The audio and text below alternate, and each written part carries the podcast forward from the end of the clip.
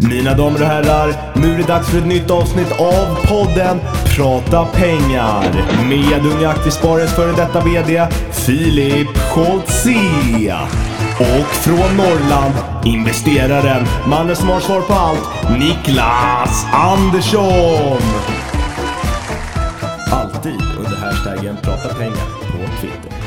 Då säger vi äntligen måndag och varmt välkomna till podden Prata pengar. Nu är vi uppe på avsnitt 102 Niklas.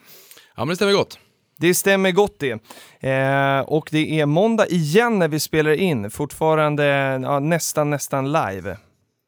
Eller hur? Ja men så är det. det är time to market snabbt. Hur har helgen varit Niklas? Alldeles underbar, hur har den varit? Den har varit bra. Jag var nere i Göteborg med eh, lite UA-bekanta, eh, både juristen Nicolas och, och hälsade på eh, Johan som ju jobbade på, på UP här innan. Vi var på, på Liseberg och då kom det fram en trevlig man och, eh, och, eh, och sa att han tyckte det var kul det vi gjorde och så skulle vi hälsa till dig Niklas. Ja, vad trevligt. Nu har jag blivit hälsad. Tack för det. Ja, vi, det här är alltså Bostadsspecial del 2. Vi körde ju förra veckan och eh, nu så, eh, vi hann liksom inte med allt, all, all, allt gott innehåll som, som ju du har förberett Niklas. Eh, så att det blir en del 2. Eh, och, så att jag tycker att vi kastar oss rakt in där vi avslutade i, i förra veckan. Vi började, eller vi avslutade förra veckan tror jag med att prata om man ska ha rörlig eller bunden ränta. Eh, och sen så nästa punkt då handlade om bottenlån och då har du skrivit bottenlån upp till 85%. Vad ska man tänka på här? Ja, jag tror inte att vi riktigt pratade klart om rör eller ska vi- okej. ens gjorde det. Och jag vet All inte right. riktigt om det varit något, bara så att det inte blir något missförstånd på förra gången så är det ju Eh, har man eh, upp till 70% belåningsgrad eller därutöver så var det ju 2% amortering ner till 51% och är det så att man har en, en belåning över 4,5 gånger bruttoinkomsten så är det ytterligare en procentenhet på det tidigare. Just Så det kan alltså antingen bli 2 eller 3% då. Men rörligt eller bundet och flera lånedelar. Filip, du har precis lånat och flyttat eller är i de groparna. Ja. Hur har du gjort? Jag har valt eh, 100% rörligt. Nu, nu får jag nästan eh, déjà vu, jag tror jag nämnde det här förra veckan. Ja, eh, snabbt i alla fall. Jag, har- jag har valt 100% rörligt och har ju gjort det utifrån, eh, vi pratade ju en del om den här eh, den här kalpen förra veckan och vad, vad man har kvar att leva på kalkylen. Eh, och eh, när, när min bank gjorde den här för mig så tror jag att de räknade med 7% ränta och jag kommer ha då en 34 nu, har en 35 idag. Eh, och eh, jag sparar ju liksom den här mellanskillnaden upp till, upp till 7% eh, alla gånger. Så att jag, jag väljer rörligt och skulle sen räntan gå upp så, så har jag Eh, höjd för att eh, kunna eh, ha råd med det. Så jag väljer rörligt. Ja, och du också rörligt. Eh, ja, i dagsläget har jag det, men, men det är inte alltid rationellt att ha det heller. Och man kan ha antingen rörligt eller bundet eller olika lånedelar. Och jag tror att eh, det kan vara ganska vettigt att eh, även direkt man lånar eh, hos banken då dela upp det i flera lånedelar. För att, ja det här sa vi faktiskt förra veckan.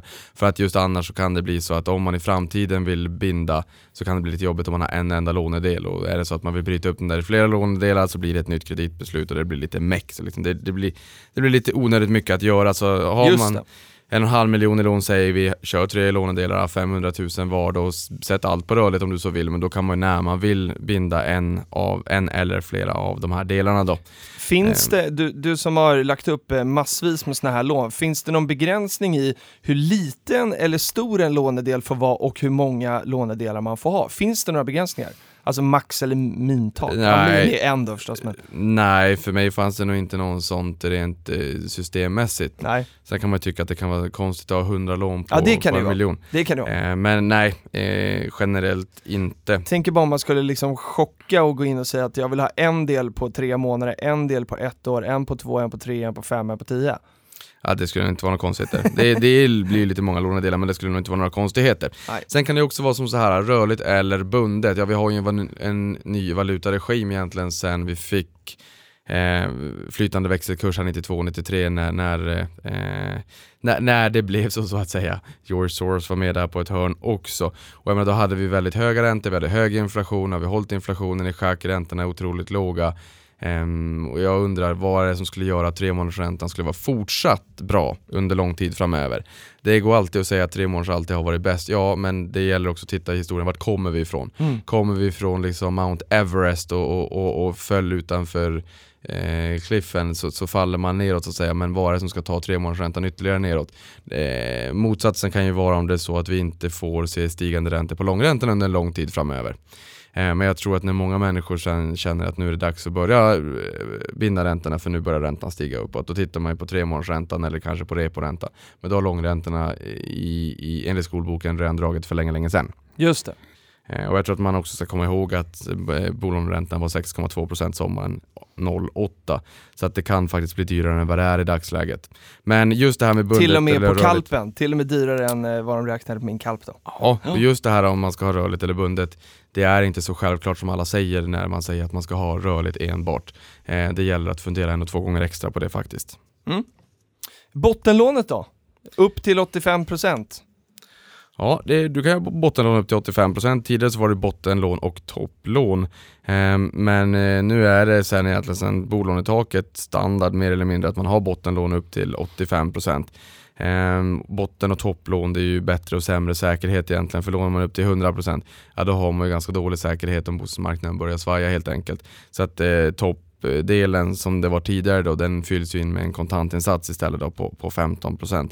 Eh, men vissa banker ger bara bottenlån upp till 70 eller till 75% sen så har man topplån på de sista procenten upp till 85% och då har man en, en, den här räntan man har förhandlat till sig på bottenlånet och sen så får man en högre på topplånet och sen mixen däremellan blir ju inte alls riktigt den ränta man kanske har förväntat sig. Det där är ett fult trick eller knep, jag vet någon har haft det för sig, det är ändå relativt ovanligt men tyvärr så förekommer det. Så man får liksom bara se till att man har bottenlån upp till alla de här 85% Ja, om det är så mycket man lånar. Jag åkte ju på den där nu för att den banken som jag eh, kommer eh, använda nu körde då bara upp till 80% och sista 5% var, var då ett topplån och det visste inte jag. Så att jag hade ju räknat blint med att, eh, att det var upp till 85, sen, sen behövde inte jag riktigt 85 utan typ 80,6 eller någonting sånt där. Så att den mellanskillnaden eh, betalar jag ju själv då om, om jag inte vill ha den som topplån, då kommer jag betala den själv. Men det hade de inte riktigt informerat om innan, så det var tur att jag hade marginal eh, så att det inte var hela 5% för då hade det varit ganska eh, mycket pengar däremellan. Exakt, och sen så har bankerna helkundskrav också. Just Ehm, det. Den, den bästa räntan får man om man tickar i alla bankens boxar när det kommer till spara, låna, försäkra och eh, betala, så betaltjänster. Sen kan man ju tycka att det är så att eh, om jag bara har bra sparande eller låg belåningsgrad så borde jag få en bättre ränta, men så strängt kalkylerande nyttomaximerande är det sällan. Oftast är det så att man har en em, eh, säljförväntan uppifrån organisationen eh, och då är det oftast så att den bästa räntan får man just när man har tickat i alla boxarna som, som banken fokuserar på för stunden. Eh, så det är svårt att säga vad enskilt det är som gör att, eh, att man får den bästa räntan. Men tyvärr alltid inte de mest rationella eh, faktorerna faktiskt. Men är man, hur, du som har jobbat som eh, rådgivare, hur bakbunden är man som rådgivare där och hur mycket spelrum, nu kan det här säkert skilja sig på banker, men har du någon allmän känsla över hur mycket spelrum man har som rådgivare? Vi hade väldigt mycket, eh, någorlunda till, någorlunda till väldigt mycket spelrum. Eh, och det där beror också på lite grann. Jag tror att ringer man in till telefonbankerna så får man en ränta som förmodligen ofta är sämre i och med att det blir massproduktion och är det så att man har en kontakt på bankkontoret så får man nog lite bättre för att det finns en personlig relation och vi är inte mer än människor. Um, jag tror att man, man eh, snarare följer till punkt och pricka om man jobbar just på, på motsvarande telefonbanksinstanser i banken. Det är ju mycket smidigare som kund att bara ringa in och inte behöva gå till kontoret men eh, min, min känsla är att det faktiskt skiljer sig prissättningsmässigt. Eh, sen vet inte jag om jag nämnde det förra gången heller men om det är så att ett antal betalningsanmär- betalningsanmärkningar är inte bra. Nej. Men om ett antal eh, UC-förfrågningar skulle försämra ens kreditvärdighet, eh, det, det, så är inte fallet. Det stämmer alltså inte. För det är det väldigt många som varnar för, som säger, i banker som säger så här, men var försiktig nu med att, särskilt det märkte jag nu när jag skulle kolla runt, så var det min befintliga bank som sa att, ja var försiktig nu med att ta, ta massa, eh, ja, men, och ansöka om massa bolån, för då får du sämre kreditvärdighet. Det kanske bara var för att liksom skydda mig som kund hos dem då. Ja, Eller för min, att det skulle hållas kvar. I min värld så är det här rent trams. Ehm, för är det så att du ska gå till banken och söka ett bolån så är det inga konstigheter att du går till 50 olika institut och ser vart du får den bästa bolåneräntan. Eh, så rent trams. Däremot är det så att du har eh, betalningsförfrågningar eh, från obskyra aktörer, sms-lån eller mindre eh, nogräknade aktörer, lite shady, då skulle jag nog dra öronen åt mig. Men där är också ett, det är, återigen, det är människor. Det står ju vem som har tagit upplysningen. Eh, och det, det. det, är klart att man gör en, en, en värdering som, som banktjänsteman eller banktjänstekvinna vad det är för förfrågan. Eh, och när i tiden så att säga. Eh, så det där det beror helt och hållet på. Mm. När det är så att man går och frågar en massa just om bolånet, nej det spelar nog absolut ingen roll. Om vi tittar på föreningar då, om man eh, köpte köpt en lägenhet, för det här var ju som eh, liksom från ax till limpa i, i det vi går igenom här i ett bostadsköp. Eh, och köper man en, en bostadsrätt så blir man ju medlem i en förening. Och, och, och, här tänkte vi att vi skulle liksom stanna, stanna nästa gång på den här resan. För att här, här snackas det en del om, och jag tycker på senaste tid så har det börjat skrivas mer och mer av de som är äkta föreningar, så skriver man att vi är en äkta förening. Vad menar man då?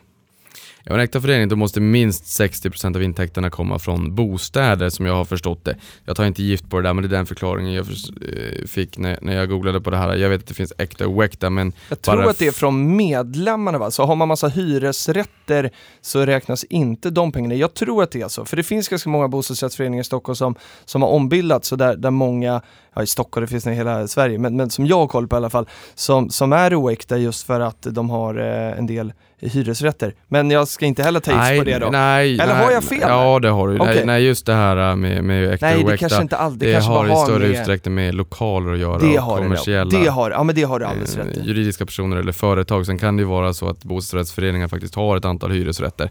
Eh, det är inga konstigheter. Eh, det är ofta så har det ju, eller inte sällan ska jag säga, så har det ju varit en ombildning i en förening där man har ombildat hyresrätter till bostadsrätter och alla har inte accepterat, alla Nej. har inte haft ekonomiska förutsättningar för det. Så det finns ibland ett antal bos, eh, för hyresrätter kvar i en bostadsrättsförening. Eh, men det kan också finnas en liten sån där eh, klausul som säger att om det är större del hyresintäkter än, än avgifter, eh, det vill säga hyresrätter än bostadsrätter så kanske det också är någon poäng i det där. Men ofta när man pratar om det här så är det just företag och företagsdelen.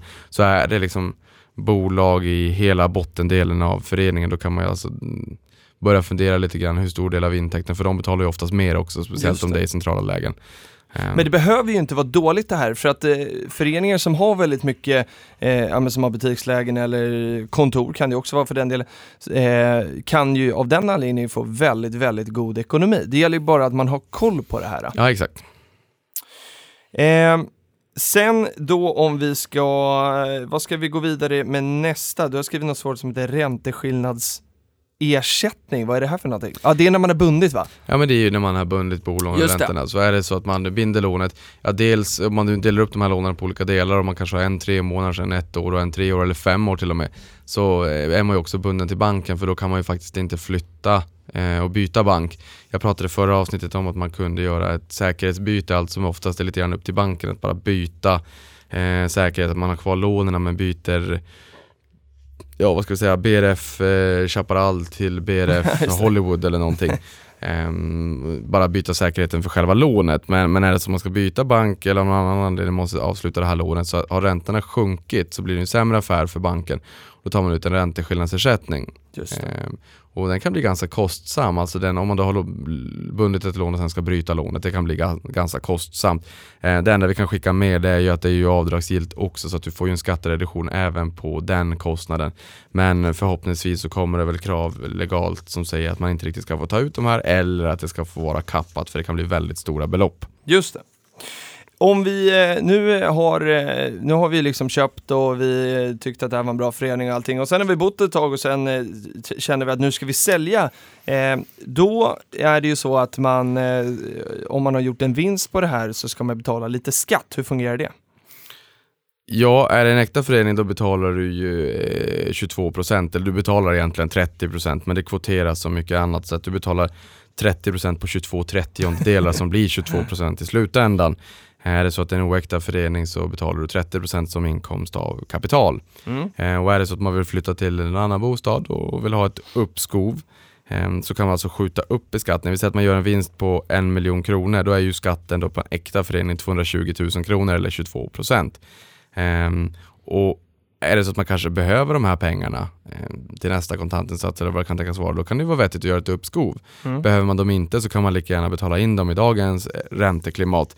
Eh, och då kan man säga så här, uppskovsavgiften är 0,5% så att på deklarationen så betalar du en halv procent på hela uppskovsbeloppet, inte på vinsten.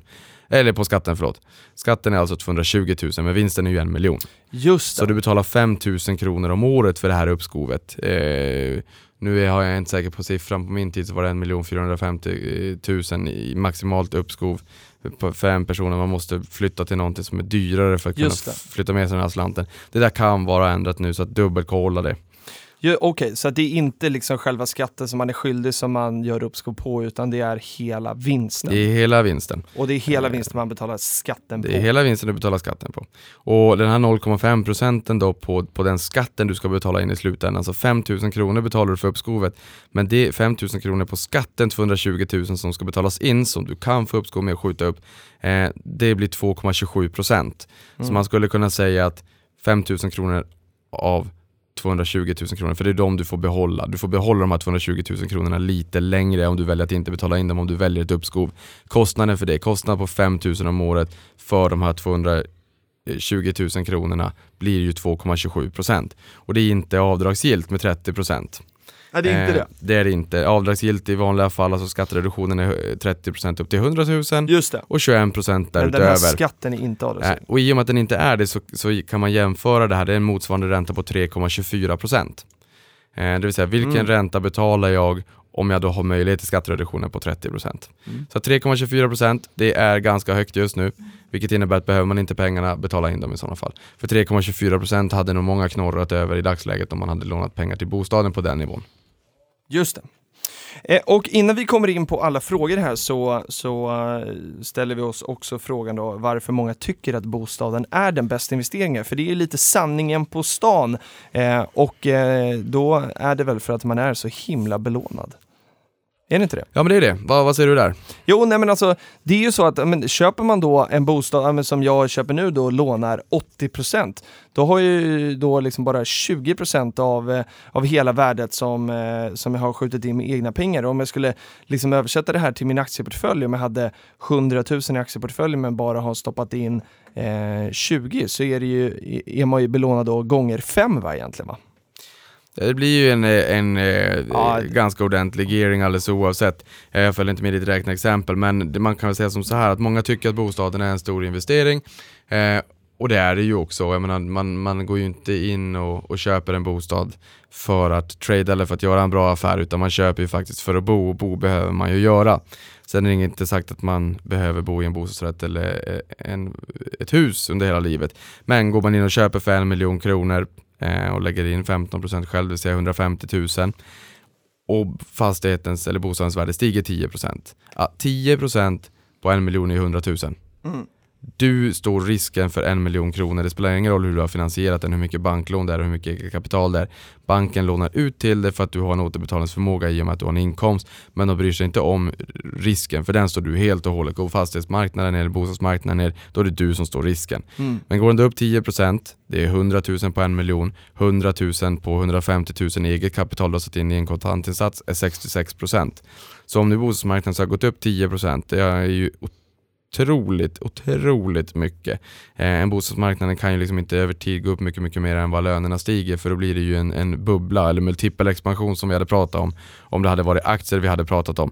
Men eh, säg att den går upp 10% om året under ett, några år i alla fall. Det har ju varit en 6, 7, 8, 9, kanske 10% i Stockholm under en viss tid. Det är 66% om året i eget kapital, vilket är, eh, det är en galen utveckling och dra ut den här på 20-30 år.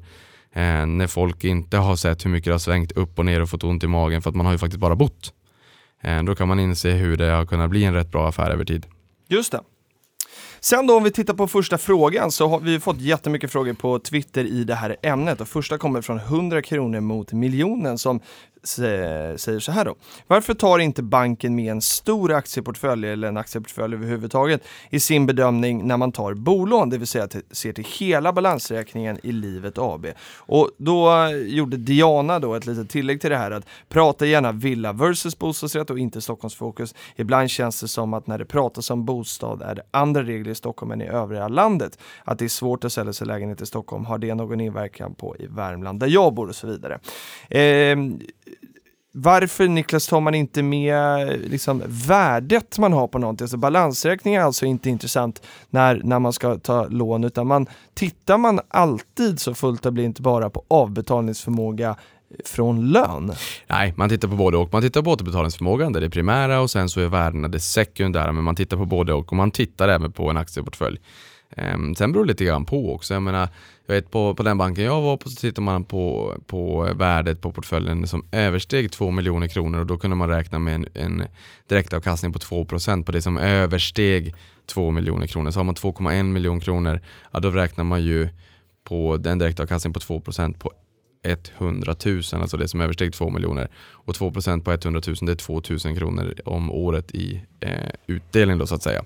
Så det gör man. Eh, och det är lite olika mellan bankerna men självklart så tittar man på tillgångarna också. Men är det så att man sitter på en fritidsfastighet och en herrgård och en, en liten lägenhet i stan utöver sin primära bostad ja då blir det jobbigt för de här eh, är ju en kostnadspost egentligen så länge man äger dem. Det är ju inte så att du, eh, fler bostäder genererar en massa pengar men cash på kontot, ja det är klart att där, där tittar man på med, med lite andra ögon men å andra sidan pengar på kontot kan ju ta slut imorgon. Så är det. Men eh, de där hängde inte ihop heller. Diana var en egen fråga, så just det här med att prata gärna med villa mm. versus bostadsrätt och att det inte är ett Stockholmsfokus. Mm. Nej, Sverige är ju mycket större än bara Absolut. Stockholm. Um, så att jag menar, jag vet faktiskt inte hur det ser ut i andra delar av landet för i mycket mediadebatten så är det ju de större städerna som, som eh, det pratas om och det här senaste fallet på bostadsmarknaden är ju lite av en pappersprodukt för mycket handlar om förväntningar men jag menar någon gång så måste det punkteras också. Vi hade en Oscar Properties 229 000 mm. kvadraten. Det är ganska orimligt och den här marknaden, den, de spekulanterna som sitter och ska köpa en bostad för 45 miljoner, ja, det är ju inte liksom, det är ju inte hela Pajala. Det är ju inte jättemånga människor, det är en ganska liten marknad. Ehm, så jag vet faktiskt inte hur resten av bostadsmarknaden har utvecklats och jag vet inte Värmland heller riktigt. Man hade ju önskat eh, en bredare eh, debatt kanske i, eh, i medierna så att man kunde hänga med och där man tittar kanske på hela landet och inte bara på, på storstäderna. Ehm, sen undrar Oskar Wilhelmsson så här att ska man sälja av hela portföljen för att ha med, eller ta mindre bolån eller behålla och låna mer men amortera hårdare? Och den här frågan tror jag att vi har haft uppe eh, väldigt, väldigt många gånger i, i podden fast i lite olika former. Och där det handlar om eh, att eh, ska man Eh, grundfrågan här är väl egentligen att givet dagens läge där man kan låna billigare än vad kanske förväntan på aktiemarknaden, eh, eh avkastningen, den förväntade avkastningen på aktiemarknaden är, eh, är det värt att göra det då? Eh, och, och, eh, teoretiskt så skulle man väl då kunna säga att så här, ja det låter ju rimligt, men sen är ju problemet med det här att eh, det, den, eh, avkastningen på aktiemarknaden är just bara liksom förväntad. Och sen har man ju hela dimensionen också med så här, ja, men eh, känns, det, känns det bra i magen? Vill man vara så här belånad på alla håll och kanter som, eh, som, som man kanske ofta är tvingad i att vara i, i, i bostaden? Vi ser det väl så vi brukar resonera. Ja, men det låter väl vettigt. Ja, vi tar nästa Ola då, som hur ska ett par med, och det här är intressant, det är många som har problem med det här. Hur ska ett par med visstid samt provanställning gå tillväga för att beviljas bolån? Tips vid första kontakten med banken. Och det här hade jag ju problem med, med nu, för att när jag började på Avanza nu så blev jag ju provanställd och då när jag började ringa runt till lite banker så frågade de om, om det här förstås. Och, och då sa jag att jag var provanställd och då var det några som sa att ja, det eh, låtsas vi att vi inte hörde och så var det andra som sa blankt nej, då går det absolut inte. Eh, så att hur, hur, hur gjorde du Niklas när du fick eh, kunder som kom och sa att så här, ja, eh, den ena kanske jobbar och den andra pluggar eller båda är prov eller visstidsanställda. Hur, hur fungerar det då? Det blir ju lite bökigt om det är så att man är just visstid, för visstid är ju vad det låter, viss tid.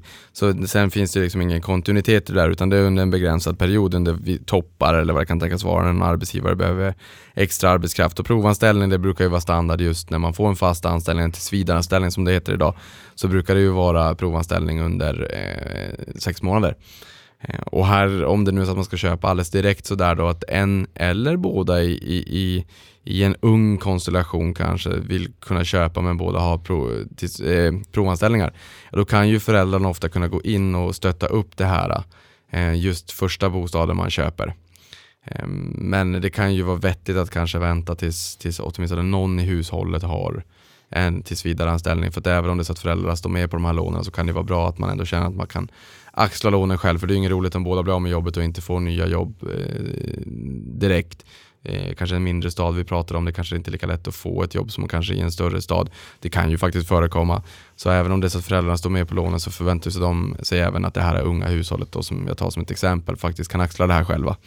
Eh, men annars så brukar man kunna ta med föräldrarna om det är just första bolånet eller att man är någorlunda ung eh, och att de borgar upp dem med, med sin eh, återbetalningsförmåga, med sin eh, inkomst. Då. Eh, men då utgår man ju också ifrån vad det finns för skuldsituation hos föräldrarna. Ja, det är klart.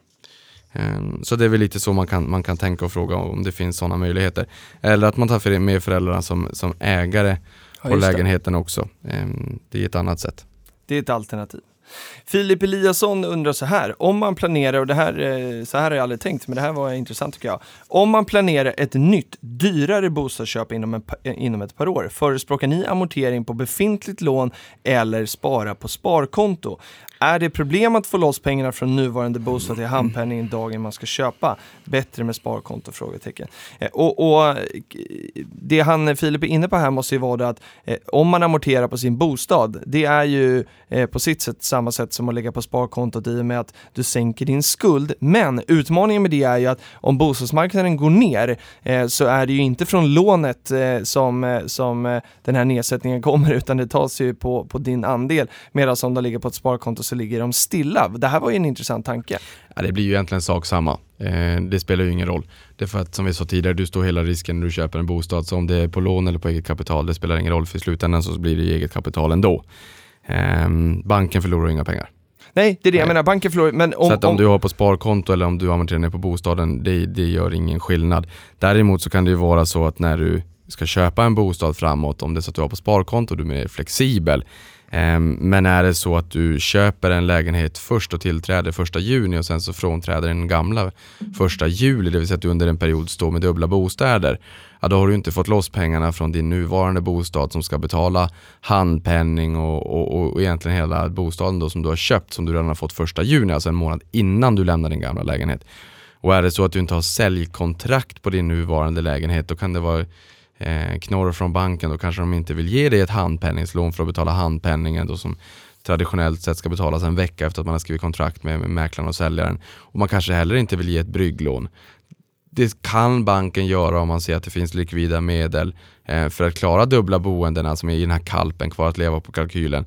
Ser man att det finns pengar att klara av dubbla hushåll under ett antal månader så kanske man kan godkänna det ändå. Jag vet inte om man har blivit hårdare på det här.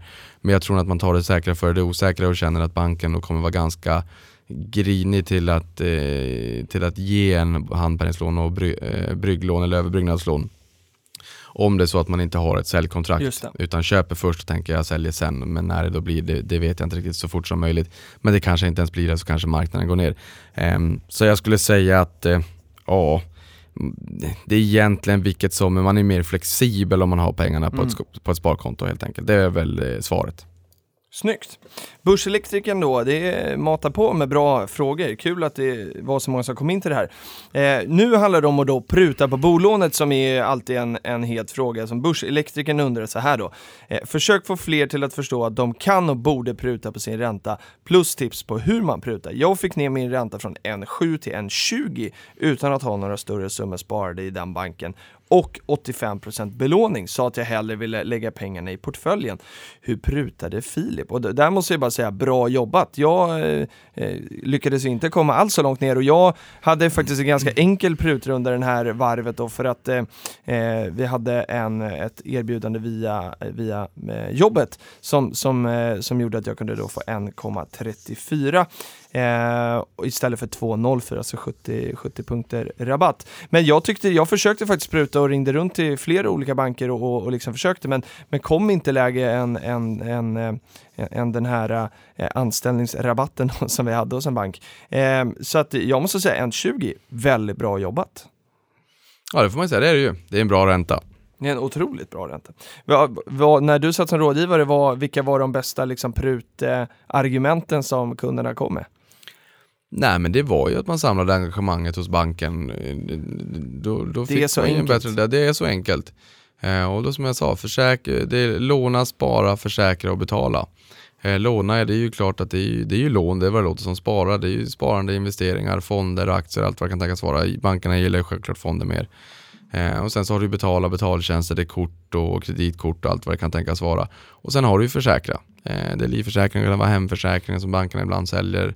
Eh, med mera, med mera. Så att eh, ju mer engagemang du har hos banken desto bättre räntor får du. Så att du frågar från början rådgivaren, vad, vad kan jag göra för att få så låg ränta som möjligt? Börja i den utsträckningen och se om det är, om det är rimligt. Just enkelt. Sen fick vi en fråga från Fredrik Tillin också, det här med kreditvärdighet och att man har massa kreditupplysningar och frågade om det var inom, inom citationstecken då fake news, så det har ju redan sagt att det va? Ja, det är lite grann fake news. Peckman undrar så här, kan man förhandla om bundna lån? Det vill säga, man har eh, suttit och känt att nej, men jag vill nog eh, binda av någon anledning och sen kommer man på att nej, det var en dålig idé. Kan man eh, omförhandla det då? Teoretiskt så kan man göra det, eh, men det är ju om banken är snäll i sådana fall för att man har ju faktiskt kommit överens om att binda eh, lånet under eh, en viss period. Både kapitalbindning och räntebindning som, som, eh, som fastighetsbolagen redovisar så lång tid har man, har man bundit kapitalet. Man har liksom kapital tre eller fem år, då behöver man inte tänka på det så att säga. Men sen räntebindningen också och det är sak samma när det kommer till bolån. Nu ska vi inte bli mer tekniska än vad vi behöver vara. Ja, man har ju bundit ränta men om man flyttar över engagemang så kan man åtminstone fråga banken. Det, det är inte omöjligt för banken att, att rucka på och justera inte upplåningskostnaden för lånet, men bankens egen marginal går ju att justera. Ehm, så det beror helt enkelt på, ehm, får det korta svaret vara. Just det.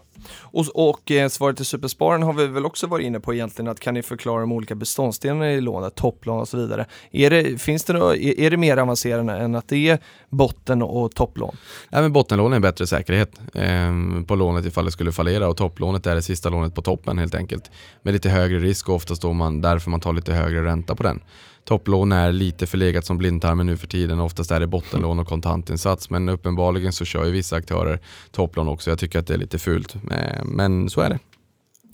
Sen då Jonathan Holmqvist undrar så här. Tycker ni att man ska spara separat till kontantinsatsen eller ta från sin portfölj? Och då tänker vi väl att det är Eh, aktier eller fonder eller någonting i, i den. Eh, och, och, den är jätteintressant. Eh, och, och jag, här, här, jag har ju gjort så att eh, jag var ju tvungen att ta lite från min portfölj till kontantinsatser på det här nya boendet som jag köpte och, eh, eh, och, och, det var ju kanske inte tanken från, från början. Men, men fortfarande så gäller ju eh, min egen regel och som, som vi, vi väl båda är ganska eniga om att eh, aktiemarknaden går ju, väldigt, mm, går ju upp eller ner så att man, det, man ska ju vara väldigt försiktig med att ha pengar där eh, på kort sikt och har man tänkt att köpa bostad inom de, de, de närmaste åren så kanske inte det eh, är ett alternativ överhuvudtaget. Eller vad säger du? Ja men så är det ju. Eh, ju tidigare, ju förrän i tiden man ska använda pengarna desto lägre risk ska man exponera pengarna för. Eh, och är det här ett bostad, en bostadsköp inom några år, eh, då ska man väl förmodligen bara ha dem på sparkonto. Just det. Eh, Johan Eriksson eh, tar en fråga som vi har haft lite tidigare. Det verkar vara jätteintressant med det här med, med just eh, att man fokuserar så mycket på, på lön från bankernas sida. För han undrar så här, varför har bankerna så stort fokus på vad man har för lön? Om du är egenföretagare så kanske lönen är lågt satt men du tar rejält i utdelning. Eller kanske låg utdelning och låg lön Eh, ett år av någon anledning som inte kan betyda att du, eller som inte behöver betyda att du tjänar dåligt. Det kan ju, när man är egenföretagare så, så eh, är ju risken större att man kanske varierar sin lön för att man vill att bolaget ska eh, överleva. Har man något sär, liksom, ser man särskilt på liksom, egenföretagare från bankens sida? Ja, det är så att man varierar sin lön för att bolaget ska överleva, då är man ju illa ute då ska man inte låna överhuvudtaget och då vill nog inte banken att du ska låna heller. Men eh, bankerna tittar ju på företag på lite annorlunda sätt än vad man tittar på en privatperson. För man tittar ju på en potentiell återbetalningsförmåga, mm. inte på den lönen man tar ut. För det är ganska rimligt att en eh, företagare tar ut någonstans upp mot 40 000 och sen så tar man utdelning på så mycket man kan istället med, med gällande 3.12-regler. Eller, eller gällande regler ska vi säga då, utan, eh, utan att grotta ner oss. Men det är klart att det är inte rimligt att en företagare tar ut alldeles för mycket lön och bränner bort det i marginalskatter. Om det är så att man inte behöver, det finns utdelningsmöjligheter etc. Så att eh, det man behöver när man är egenföretagare, det, när man går till banken, det är ju ett, ett, ett eh, reviderat bokslut. Mm. Eh, åtminstone ett reviderat bokslut och sen så måste man ju ha en företagsrådgivare, någon som tittar på det här. Eller någon som har den kompetensen på banken. Men det är klart, då tittar man ju på vad finns det för tillgångar i bolaget, vad finns det för intjäningsförmåga, vad kan du potentiellt ta ut för lön och vad tar du ut för utdelning och hur ser din övriga privata ekonomi ut. Ehm, så att eh, det är inte så att man är enkomt och enbart tittar på, på den lönen du tar ut som företagare men det är mer jobb än vad det är när det kommer till en vanlig privatperson som snarare rasslar igenom systemet. Så att det, det, det gäller att pricka rätt en bra person som hjälper dig så att säga och när man säger så, nu låter det som att jag raljerar lite grann men, men alla har ju inte kompetensen till att faktiskt bedöma företag eh, och, och, och, bevilja bolån till företagare. Det är lite mer mäckigt helt mm. enkelt. Men, eh, och, och, det är lite mer arbete också. Det brukar oftast vara å ena sidan och andra sidan. Och, eh, Ehm, så som det är för företagare. Liksom. Det är lite mer komplext men det, det, inte, det, ska inte vara några konstigheter. Och man går alltså inte enbart på den, på den faktiska inkomsten som man tar ut utan man kan titta på vad finns det för möjligheter att ta ut lön. Mm. Mattias undrar sen då, förklara hur schablonen som bankerna räknar med att man ska klara av för att få låna och det är ju den här kalben vi har pratat om.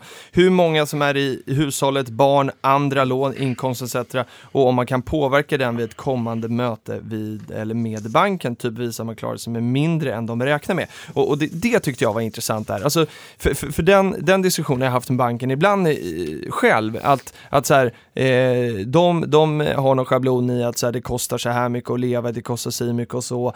Eh, skulle man kunna liksom ta egna utdrag och visa så här, nej men vet ni vad, ni får räkna om den där för mig därför att eh, jag klarar mig på mycket mindre pengar. Nej. Det går inte. Nej. Man håller stenhårt i den där Ja, fast då skulle ju alla göra så. Ja men om du måste bevisa det. Jag tänker då att då skulle man verkligen gynna de som, som faktiskt är duktiga på att eh, hålla låga kostnader i hushållet. Jo, fast så ska du som banktjänsteman bevilja 100 lån på ett bräde. Pang, pang, pang, pang. Ja, och sen så ska du komma med dina 50-11 kilometer utdrag och visa att du klarar att leva på vatten och bröd det funkar ju inte riktigt. Det hade varit snyggt, nu kan vi ge lite innovationstips till bankerna då, att säga att man är, eh, säg att banken skulle utarbeta själv något form av sätt att räkna, det här det finns ju i och för sig lite sådana tjänster, men, men, men att eh, vi säger att en eh, bank som lånar ut skulle börja räkna på, för att man är kund där och har sitt kort där, att de ser att så här, nej men, eh, vi räknar om kalpen för dig i vårt egna system för att vi ser här att eh, du som kund har väldigt låg risk. Det hade ju kunnat vara snyggt. Nej, och det kommer de inte göra, det ska de inte göra heller. Man räknar med schabloner för Konsumentverket och det ska säga, det är inga schabloner som är de höga siffror. Um, så det du egentligen gör med det resonemanget är att du bygger upp ökade risker i samhället som Finansinspektionen med makrotillsynen inte vill se. Um, så att, att, säga att man har kostnader som är lägre än, än Konsumentverkets schabloner, det är orimligt för man räknar absolut inte med en oxfilé på ja, fredagen utan man räknar snarare med ravioli.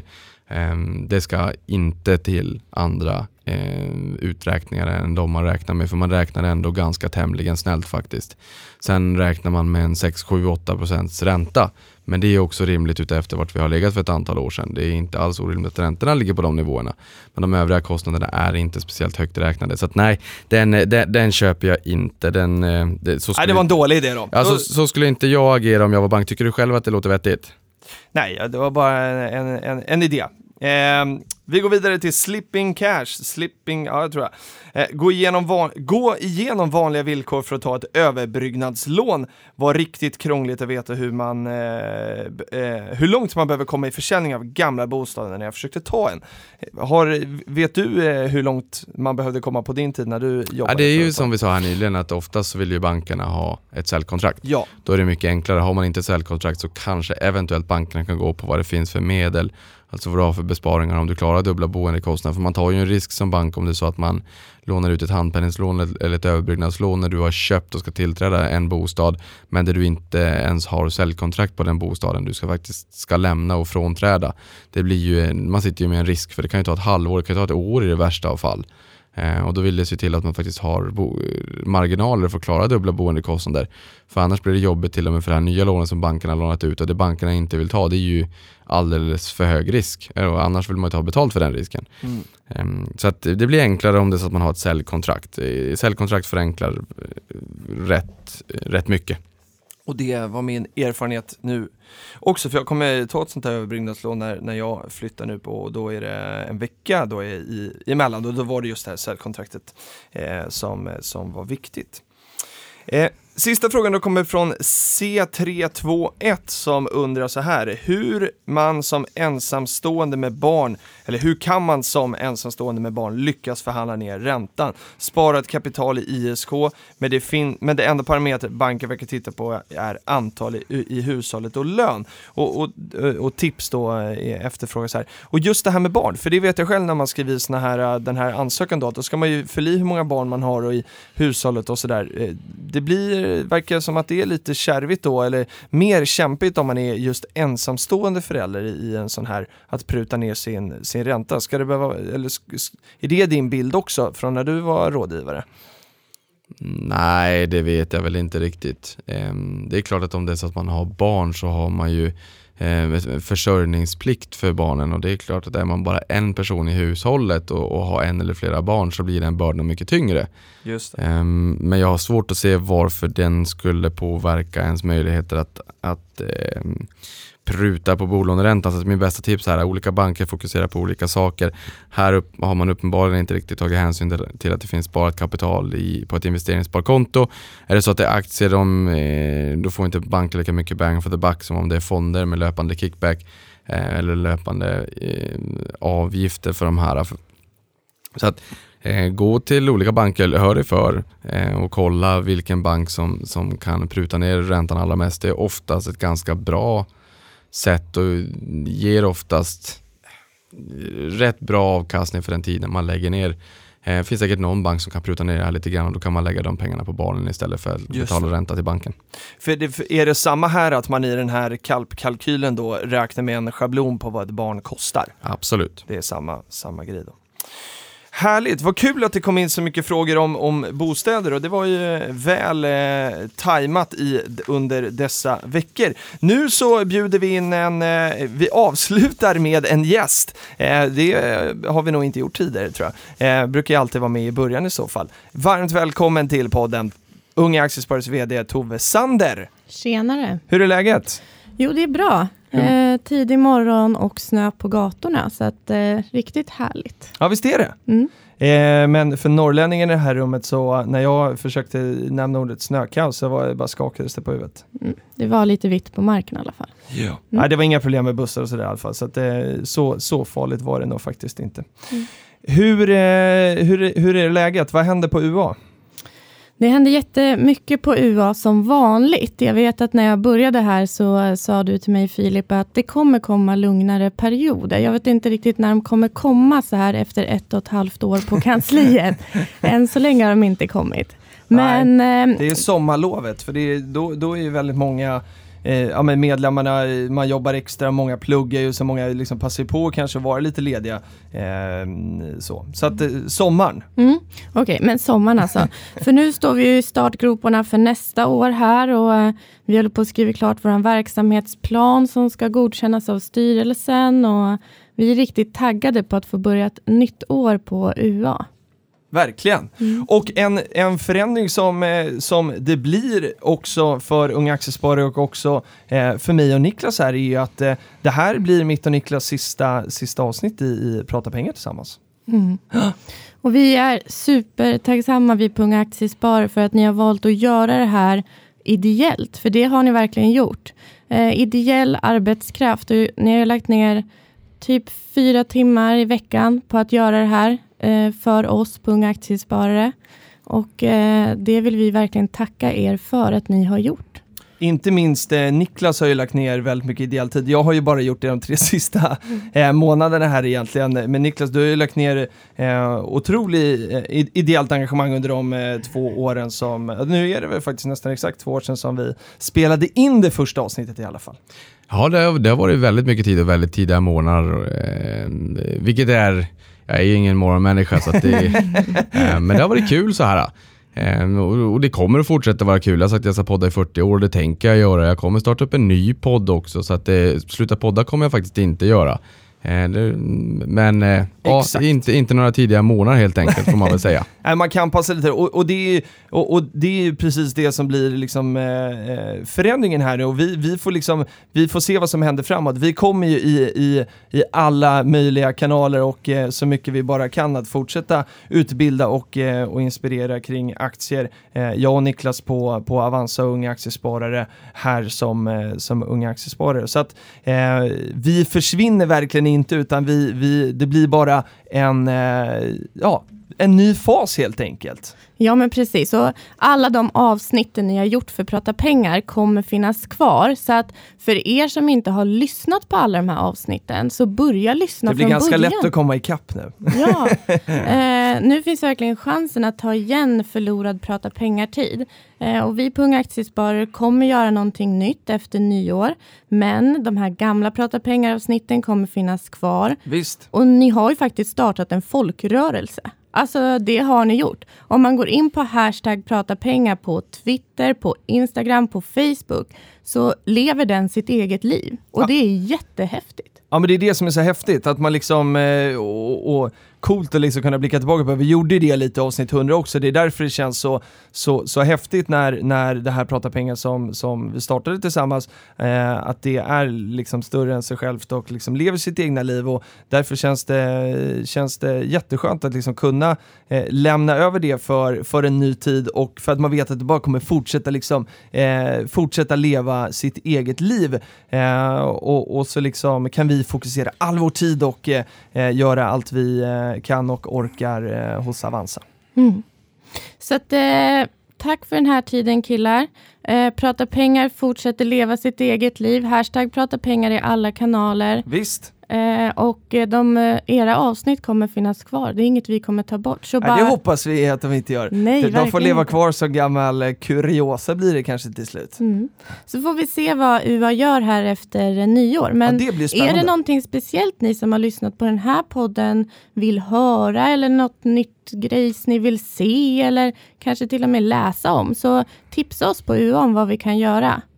Verkligen, och då gör man väl det med fördel under hashtag prata pengar tänker jag. Ja, det Eller går hur? fint. Vi kan använda den gamla godingen till det. Eller så kan man skriva till eh, Oskar Lindgren 88 så han eh, blir, blir glad också. Verkligen. Så ser vi fram emot att höra din podd Niklas. Ja, exakt. Ja, det blir spännande. Och vi kommer ju eh, skjuta ut det så fort eh, det är klart Niklas, så kommer vi pusha den i UAs kanaler. Ja, men det låter alldeles underbart och så blir det fort, fortsatt nyhetssvep, börs, kanske ännu mera aktienörderi och mycket av det som händer runt omkring på veckan, de bolagen man besöker eller fondträffar eller analytikerträffar eller vad det än kan tänkas vara. Allt är intressanta där ute, men det kanske blir lite mer nördiga inslag. Vi får se. Ja, Det blir riktigt spännande att höra. Det ska bli fantastiskt spännande med, eh, med ett nytt år och se vad vi kan eh, göra för eh, Aktiesparar Sverige under 2018. Eh, och så får vi eh, ta ett eh, välförtjänt eh, juluppehåll här emellan och eh, eh, bara, bara ha, ha det mysigt och trevligt och äta gott och eh, umgås med människor man tycker om. Eh, så ska vi säga, även om det är lite lite tid, men det var ju ändå andra advent igår, så kan vi säga från oss alla då. Till er alla. En riktigt god jul! Ta hand om er allihopa och tack för dessa alla fantastiska avsnitt som ni har varit med och lyssnat och påverkat. Vi hörs och ses snart igen.